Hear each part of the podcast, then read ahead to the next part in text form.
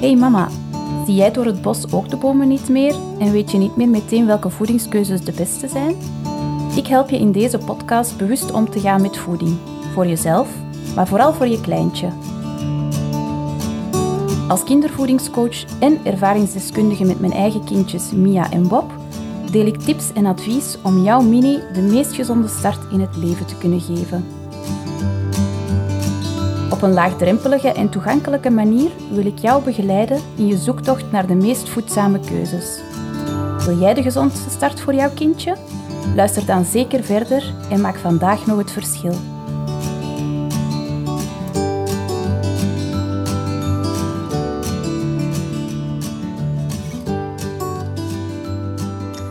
Hey, hallo daar. Fijn dat je er weer bij bent. Welkom ook nieuwe luisteraar. De derde aflevering al van de Mini Foodies podcast. Nog steeds vind ik het spannend. Vandaag dacht ik eens iets nieuws te proberen. Daar waar ik voor mijn vorige aflevering een script heb uitgeschreven, wilde ik voor deze aflevering de touwtjes graag eens wat losser laten. Met wat meer ruimte voor alles wat er op dat moment in mij opkomt. Tijdens het voorbereiden merkte ik al, dat wordt hem niet. Ik werd nerveus van mijn eigen gestruikel over mijn woorden, de ums en de aarzeling. Hm, toch maar opnieuw een script uitgeschreven, wat me net iets meer houvast en veiligheid geeft. Een podcast maken is al een grote stap uit mijn comfortzone. Dat script laten varen blijkt me toch net dat stapje te ver. Vandaag vertel ik je graag mijn eigen borstvoedingsverhaal. Vijf, bijna zes jaar geleden, toen ik zwanger was van Mia, keek ik zonder verwachtingen naar borstvoeding.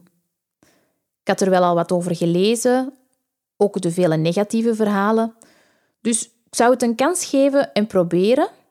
Lukte het, zoveel te beter. Lukte het niet, dan is dat ook zo. En zouden we overstappen op flesjes. Die had ik ook al voldoende op de geboortelijst staan. De bevalling van Mia liep al bij al vlot. Toch met een interventie waar ik waarschijnlijk niet akkoord mee was gegaan, mocht ik iets meer kennis en zelfvertrouwen hebben gehad. Maar goed, dat is voor een andere podcast. Daar was ze dan, om tien voor acht s morgens. Meteen werd ze bij mij gelegd en een half uur na haar geboorte was ze al bij mij aan het drinken. Een natuurtalentje, zeiden de vroedvrouwen. En zo leek het wel. Het bleef goed gaan. Ze kwam goed bij, ik had geen al te grote ongemakken.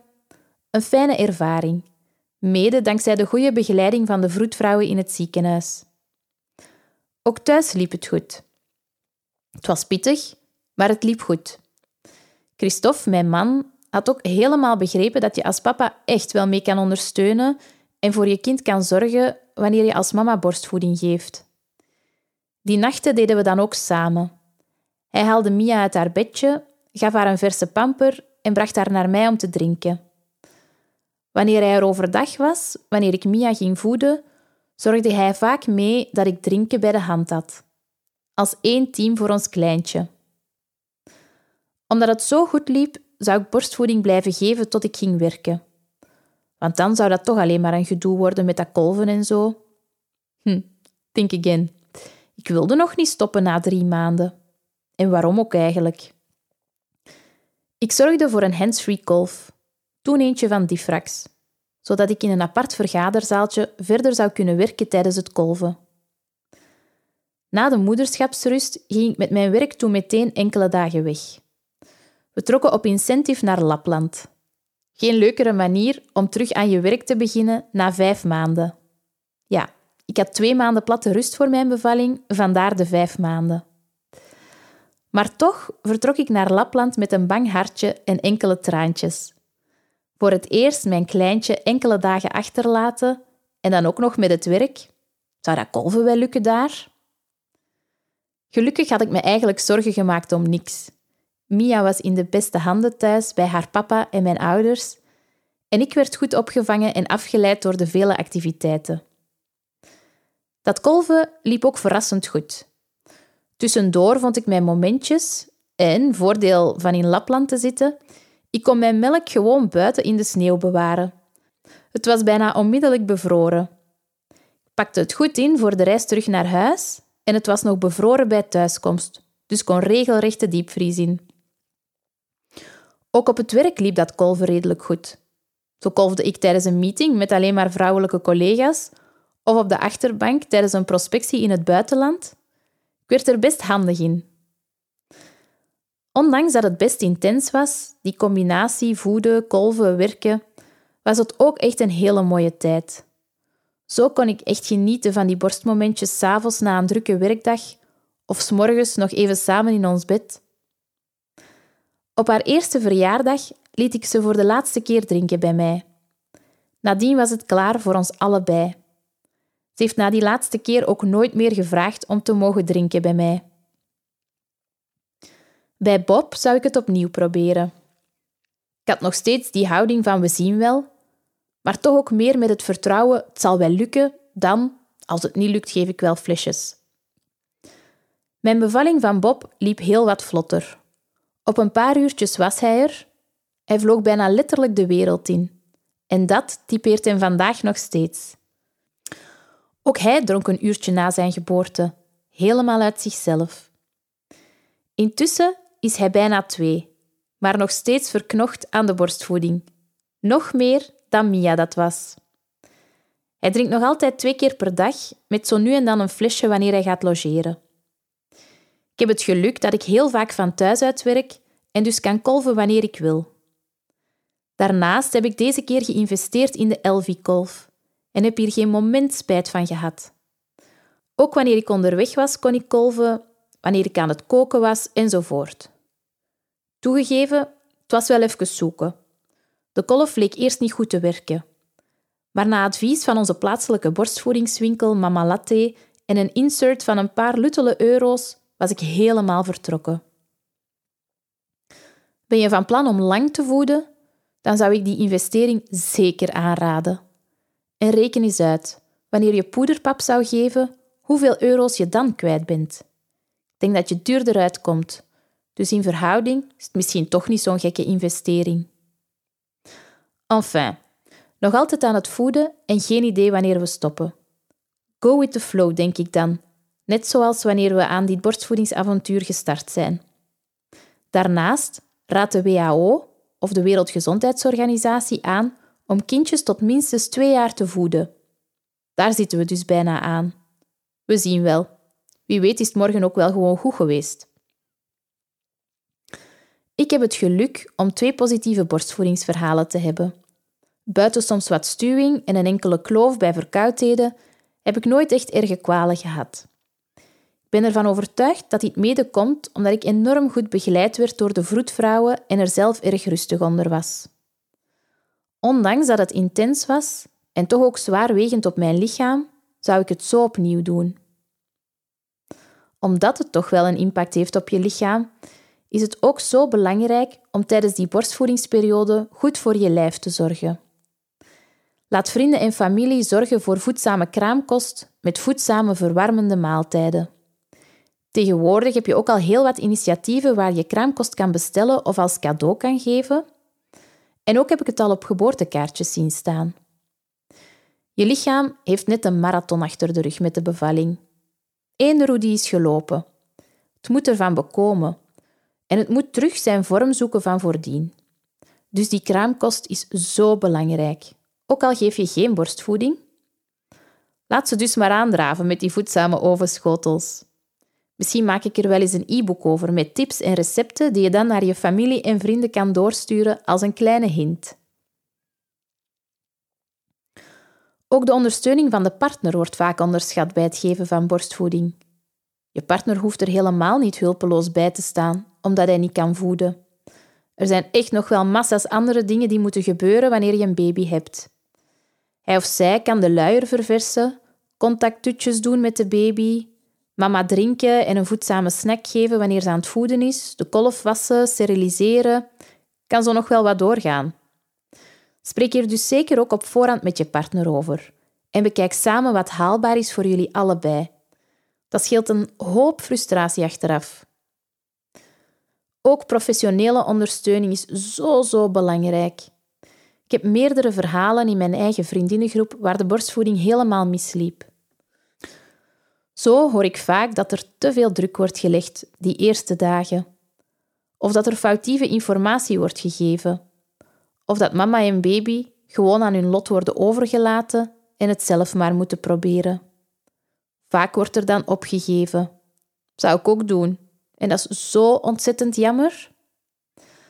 Al ben ik ervan overtuigd dat borstvoeding het allerbeste is wat je je kleintje kan geven, toch ben ik er nog meer van overtuigd dat het welzijn van de mama voorop moet staan. Als dat in het gedrang komt door borstvoeding te geven, lijkt me dat het niet waard. Daarnaast spelen er soms ook andere factoren mee, waarom borstvoeding voor jou misschien niet de way to go is. En dat is echt helemaal prima. Daarom ben ik vandaag ook op zoek naar iemand met heel wat kennis en ervaring met flesjesvoeding. Omdat ik enerzijds die kant van het verhaal ook positief wil belichten en ik anderzijds ook al gemerkt heb dat de zoektocht naar de juiste poederpap en het krijgen van de juiste informatie hierover ook een hele kwestie is, met heel wat tegenstrijdige meningen. Ken of ben jij zo iemand? Dan mag je me zeker eens contacteren. Maar dus, het is naast het promoten van een gezonde levensstijl ook mijn missie om andere mama's te helpen met mijn verhaal. Ik hoop zo toekomstige mama's in hun eigen kracht te kunnen zetten, zodat ze wel overwogen en geïnformeerd de beslissing maken. Borstvoeding of flesjesvoeding? Doorzetten met het geven van borstvoeding of vol vertrouwen en met een positief gevoel stoppen? Heb je alle voor- en nadelen goed afgewogen, maar lijkt het toch niks voor jou? Kan je geen borstvoeding geven of heb je het geprobeerd en lukt het niet? Dan groeit jouw baby nog steeds uit tot een gezond en geliefd kind. Hier dus zeker geen wijzende vinger wanneer je geen borstvoeding geeft. Heel welkom hier allemaal. Borst, flesjes, donor, kolvend. Geef mijn tips voor iedereen en haal er dus gerust uit wat voor jou werkt. Ik had zelf twee mooie borstvoedingsverhalen en ik gun andere mama's dit gewoon ook zo hard. Toegegeven, het ging ook met de nodige ups en downs. Vaak heb ik ook gedacht, ik stop ermee. Ik was doodmoe, fel vermagerd en een vat vol emoties. Want ja, dat hoort er ook bij. Het is zeker geen walk in the park. Maar dat is het prille moederschap in het algemeen niet. Ik ben er wel van overtuigd dat met een goede begeleiding en in de juiste omstandigheden elke mama die dat wil ook zo'n mooie borstvoedingsperiode kan ervaren want het geeft toch zoveel voordelen. Wanneer je kindje s'nachts wil drinken, hoef je niet per se uit je bed om een flesje te maken. En je hebt de melk altijd bij en het is op de juiste temperatuur. Borstvoeding kost ook niks. Allee, het kost je wel heel veel liefde, geduld en vaak ook doorzettingsvermogen. Daarnaast werkt borstvoeding bevorderend voor de hechting, de band met je kindje. En ook op latere leeftijd komt dit ten goede in de verschillende relaties die je kind zal aangaan. Daarnaast geeft borstvoeding ook heel wat voordelen voor je kindje. Het bevat alle voedingsstoffen die jouw baby nodig heeft. En daarnaast wordt borstvoeding door kleintjes het allerbest verteerd. Wanneer je kindje aan jouw borst drinkt, kunnen zijn kaak en gezicht ook goed ontwikkelen. En door borstvoeding te geven op vraag, ondersteun je de gewichtstoename die voor jouw baby goed is. Zo is er ook op latere leeftijd minder kans op overgewicht. Borstvoeding zorgt er ook voor dat het maag-darmkanaal van je baby goed kan rijpen. Wanneer je zes maanden uitsluitend borstvoeding geeft, is het maag-darmstelsel helemaal klaar om vast voedsel goed te verteren. Het beschermt je kindje ook tegen allergieën en tegen infecties en het sterkt zijn immuunsysteem aan. Ook is het bewezen positieve effecten te hebben op de ontwikkeling van de hersenen en zenuwstelsel van babytjes. Maar ook voor mama zijn er heel wat voordelen aan borstvoeding verbonden. Wanneer je baby kort na de bevalling bij jou drinkt, trekt je baarmoeder samen. Zo blijven nabloedingen meestal beperkt en komt je baarmoeder terug sneller in haar vorm. Mama's die borstvoeding geven, hebben een betere stofwisseling. Let wel op, doordat je meer verbrandt, is het belangrijk om ook voldoende gezonde voeding te eten. Het is verleidelijk om snel naar je oude gewicht te willen, maar nog belangrijker is het om naast de zorg voor je baby ook goed voor jezelf te zorgen. Zeker wanneer je fulltime borstvoeding geeft. Borstvoeding ondersteunt ook het lichaam van mama tegen allerlei ziektes. Zo is de kans op borstkanker aanzienlijk lager wanneer je minstens een paar maanden borstvoeding geeft. Het geeft ook meer bescherming tegen bijvoorbeeld osteoporose en eierstokkanker. Met een mooie portie doorzettingsvermogen, een ondersteunende partner, goede begeleiding van een vroedvrouw of doula en de juiste omstandigheden, geloof ik dat je de succesformule hebt om een mooie borstvoedingsperiode te ervaren. En dat gun ik alle mama's van harte. Heb jij nog vragen over borstvoeding of een ander onderwerp dat voedingsgerelateerd is? Kan je steeds terecht via minifoodies.be. Op diezelfde website kan je de show notes van deze en andere afleveringen terugvinden. Ook wanneer je een opmerking hebt, mag je me contacteren. Jouw feedback is ongelooflijk waardevol en zorgt er mee voor dat ik tegemoet kan komen aan waar jij op zit te wachten en dat ik zelf verder kan groeien. Zeg, en wanneer je op mijn website bent, schrijf je dan zeker in voor mijn nieuwsbrief. Zo krijg jij als eerste alle interessante tips en lekkere recepten voor een gezonde start. Ciao!